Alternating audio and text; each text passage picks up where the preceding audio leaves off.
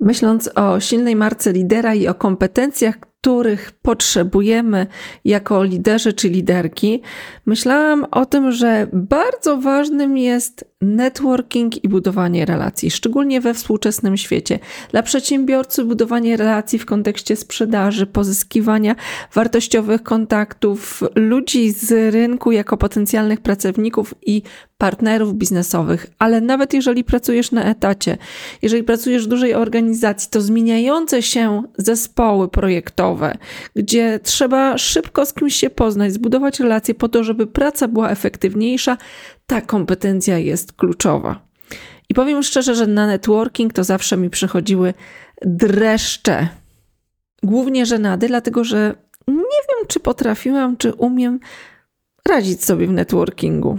Ale Martin Seligman w ostatniej książce Umysł Jutra wskazał na to, że rzeczywiście budowanie relacji jest kluczową kompetencją przyszłości. Postanowiłam się nad tym pochylić i znalazłam kilka ciekawych źródeł i rozwiązań na to, jak efektywnie budować relacje i robić networking. Więc co? Działajmy!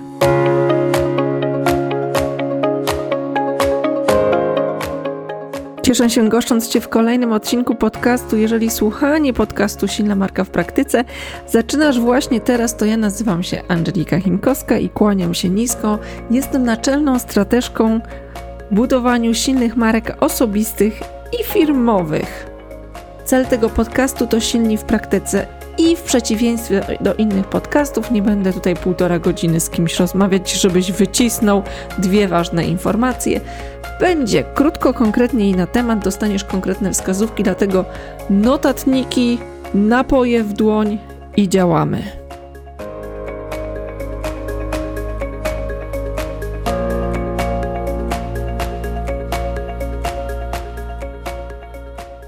Dla tych, co jeszcze mają wątpliwości, czy budowanie relacji jest ważne, chcę Wam powiedzieć o takich trzech przestrzeniach. Po pierwsze, przestrzeń indywidualna.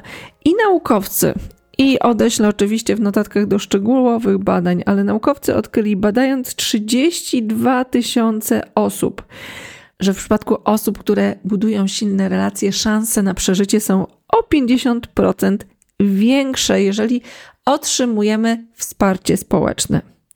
Dobrostan, takie bardzo popularne teraz słowo, zależy właśnie w dużej mierze od relacji międzyludzkich.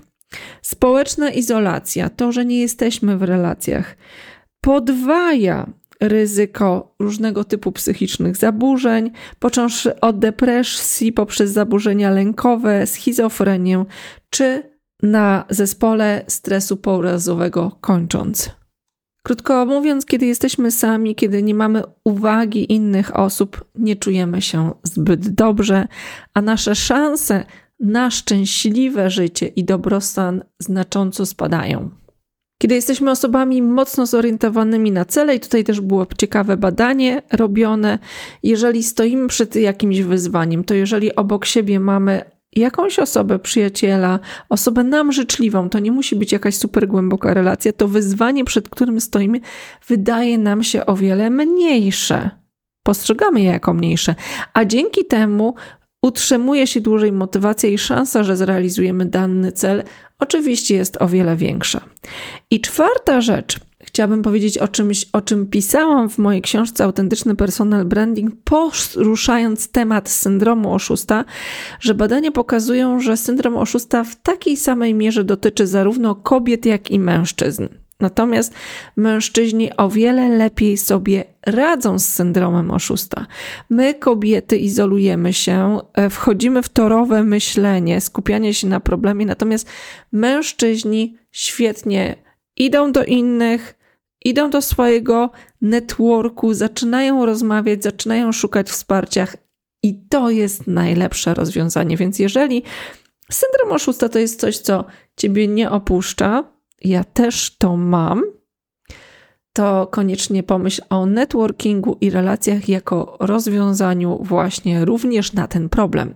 I teraz porozmawiajmy o wyzwaniach, bo to, co do wygrania jest, jest dość fajne i dość duże. Natomiast wyzwania są równie znaczące. I powiem szczerze, że ja nie bardzo w networking potrafiłam i chyba to był jeden z powodów, dla których zaczęłam pisać książki, zaczęłam występować na scenie, bo tam zwyczajnie ludzie podchodzą do ciebie i zaczynają z tobą rozmawiać, bo mają wrażenie, że poprzez widoczność w internecie jesteś osobą dla nich znaną, więc podchodzą, zagajają, bo nie jesteś zupełnie obcą osobą i to jest szczerze mówiąc dla mnie wygodne, bo ja źle się czuję, kiedy mam podejść do kogoś i coś zagaić. Nie mam problemów z nawiązywaniem relacji rozmową dalszą, ale takie znalezienie pretekstu do rozmowy z zupełnie obcą osobą to nie jest moja mocna strona, chociaż jak patrzę, jak jadę gdzieś pociągiem, to z reguły jestem osobą, do której ludzie zagadują i dużo rozmawiam w pociągach, ale jest tu jeden element. Oni do mnie zagadują. I ja w networkingu i budowaniu relacji widzę kilka znaczących wyzwań i nie chciałabym, żeby ten temat wyszedł taki cukierkowo-lukrowy, że wszystko jest idealnie. Ja te wyzwania widzę i nadal trzeba je wziąć pod uwagę, myśląc o własnym budowaniu relacji.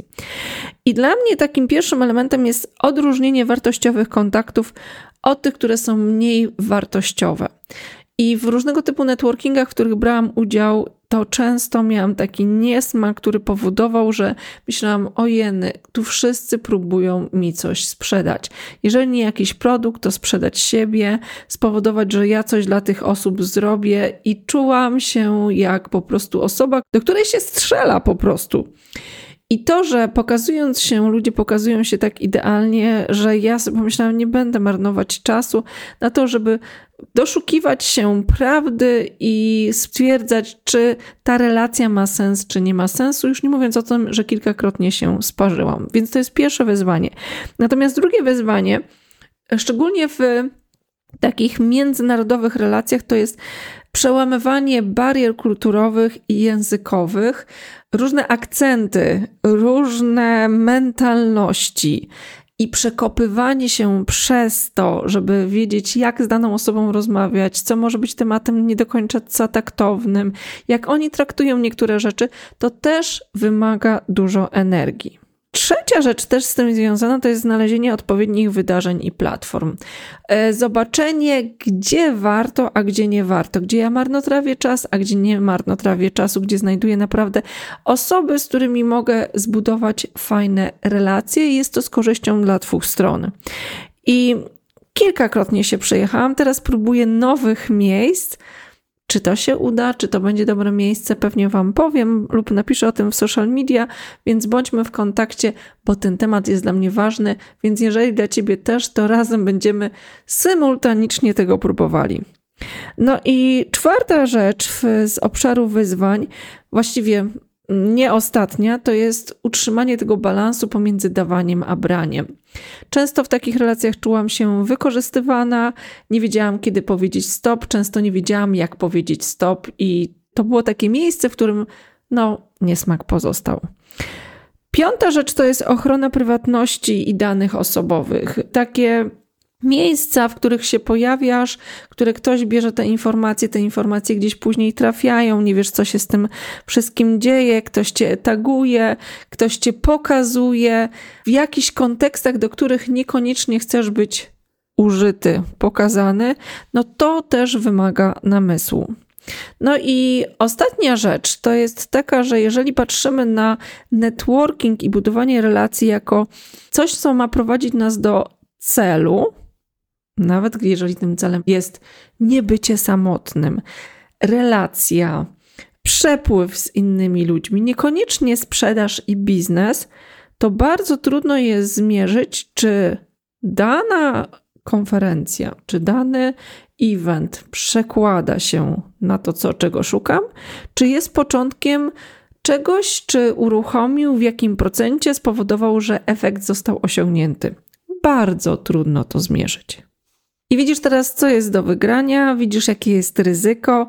I ja myśląc o miejscach do networkingu, o miejscach do budowania relacji dla osób dorosłych, dla profesjonalistów, myślę o przynajmniej ośmiu miejscach i one mają u mnie różny status ważności i hierarchii w zależności od tego, jakie cele realizują. Natomiast Zdecydowanie branżowe wydarzenia i konferencje to jest takie miejsce, które uważam, że jest warte bycia i inwestycji czasu. Idealnie dla mnie, ale wiem, że też dla wielu innych osób jest to, jeżeli ty jesteś osobą, która pojawia się na scenie, bo z innej pozycji e, startujesz z pozycji eksperta, a nie petenta, i też jest powód do zagajenia, więc dla mnie osobiście jest to łatwiejsze. Więcej o wystąpieniach będę mówiła w kolejnych odcinkach podcastu, więc jeżeli ten temat jest dla Ciebie ważny i zacząłeś, zaczęłaś strzyc uszami na temat wystąpienia publiczne, to też to jest coś, o czym będę chciała opowiedzieć. Druga rzecz to różnego typu szkolenia i warsztaty. To jest takie miejsce, w którym ja z kimś mogę spędzić cały dzień, z jakimiś ludźmi, nauczę się czegoś, poznam kogoś lepiej, dowiem się więcej i to jest miejsce, które naprawdę lubię. Różnego typu platformy networkingowe, social mediowe, LinkedIn, Instagram i tak dalej, to też zdecydowanie miejsce do poznawania ludzi. Oczywiście, jak już mnie znasz, to moje serce leży po LinkedInowej stronie. No i czwarta rzecz to są lokalne grupy, różnego typu stowarzyszenia branżowe. To są miejsca, gdzie możemy przez lata budować relacje, poznawać ludzi i być bliżej ludzi, którzy robią podobne rzeczy jak my. Spotkania networkingowe to są takie rzeczy, których ja próbowałam i szczerze mówiąc, u mnie nie do końca się spełniły, ale jest to jakaś z opcji. Jeżeli masz dobre przykłady tego typu eventów, to koniecznie do mnie napisz. I ostatnia rzecz to jest taka rzecz z kategorii wolontariatu i działań charytatywnych, bo będąc w różnego typu programach mentoringowych, czyli korzystając z programów mentoringowych, będąc mentorem, albo Działając na rzecz jakichś wolontariatów, działań charytatywnych, spotykasz ludzi o podobnych wartościach, spotykasz ludzi, którzy mają podobne cele, w którym ty ich pomagasz albo oni pomagają tobie, i to też jest świetna, naturalna przestrzeń do budowania relacji i networkingu.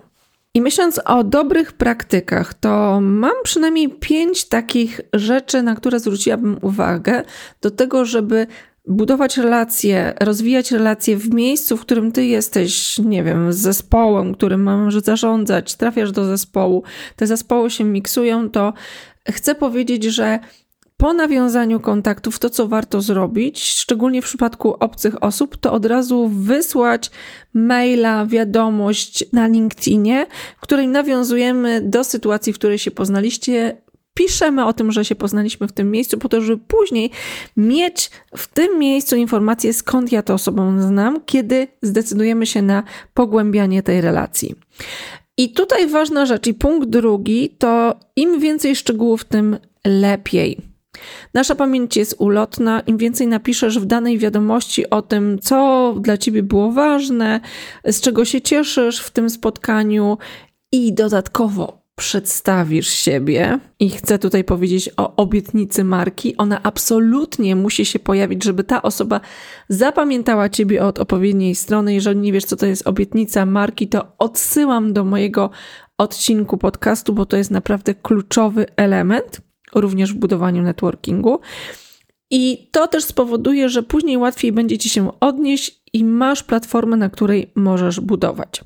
Trzecia rzecz to dawaj, wspieraj, rozwijaj i pomagaj. Nie podchodź interesownie, ludzie naprawdę to czują, natomiast stawiaj granice i mów jasno, na co ktoś może liczyć, a czego zdecydowanie nie zrobisz. Czwarta rzecz to regularna komunikacja. Łatwo kogoś poznać, ale tą relację później utracić zwyczajnie. I media społecznościowe typu LinkedIn są świetnymi mediami do tego, żeby przypominać się danym osobom co jakiś czas. Dostajesz powiadomienie, że ktoś ma urodziny, że zmienił pracę. Pogratulowanie, pojawienie się w komentarzach spowoduje, że ty przypominasz się tej osobie. No i piąta rzecz to spotkanie w twarzą w twarz. Nie ma lepszego momentu, nie ma lepszej platformy do sprawdzenia, czy z tą osobą nam jest po drodze, niż po prostu spotkanie. I mówiłam już, że networking nie jest dla mnie czymś naturalnym. Znam jednak kogoś, kto jest w tym świetnym. I właśnie François Neil z CEO Roundtable, jego zapytałam, jakie dobre praktyki networkingu i budowania relacji w biznesie polecasz każdemu liderowi. I na stronie, gdzie jest transkrypcja tego odcinka, znajdziesz wskazówki od François, więc zachęcam Cię koniecznie tam zajrzyj. Link jest w opisie. No i podsumowując, to co ja uważam za ważne w tym temacie. Silna marka osobista pozwala Ci budować relacje o wiele łatwiej, a obietnica marki jest niezbędna, żeby budować je na odpowiednim komunikację. Druga rzecz, empatia i życzliwość zostawia przestrzeń do głębszych relacji. Daj się poznać od tej życzliwej i empatycznej strony. I trzecia rzecz, o której Stalingman w tej książce Umysł Jutra, którą Wam polecam, świetnie mówi, dbaj o synchroniczność komunikacji. Co mam na myśli mówiąc synchroniczność? telefony są synchroniczne, maile już nie. Im więcej spotkania, nawet nie takiego osobistego, tym pogłębienie relacji jest o wiele łatwiejsze. Dawaj ludziom czas, dawaj ludziom uwagę, szukaj punktów styków wspólnych, wspólnych zainteresowań, wspólnych rzeczy, które Was łączą, a nie dzielą, i wtedy na pewno budowanie relacji będzie łatwiejsze i efektywniejsze. No i tego zdecydowanie Wam życzę. Do usłyszenia w kolejnym odcinku podcastu. Polub mój podcast, zaobserwuj go, a kolejny odcinek na pewno Cię nie ominie.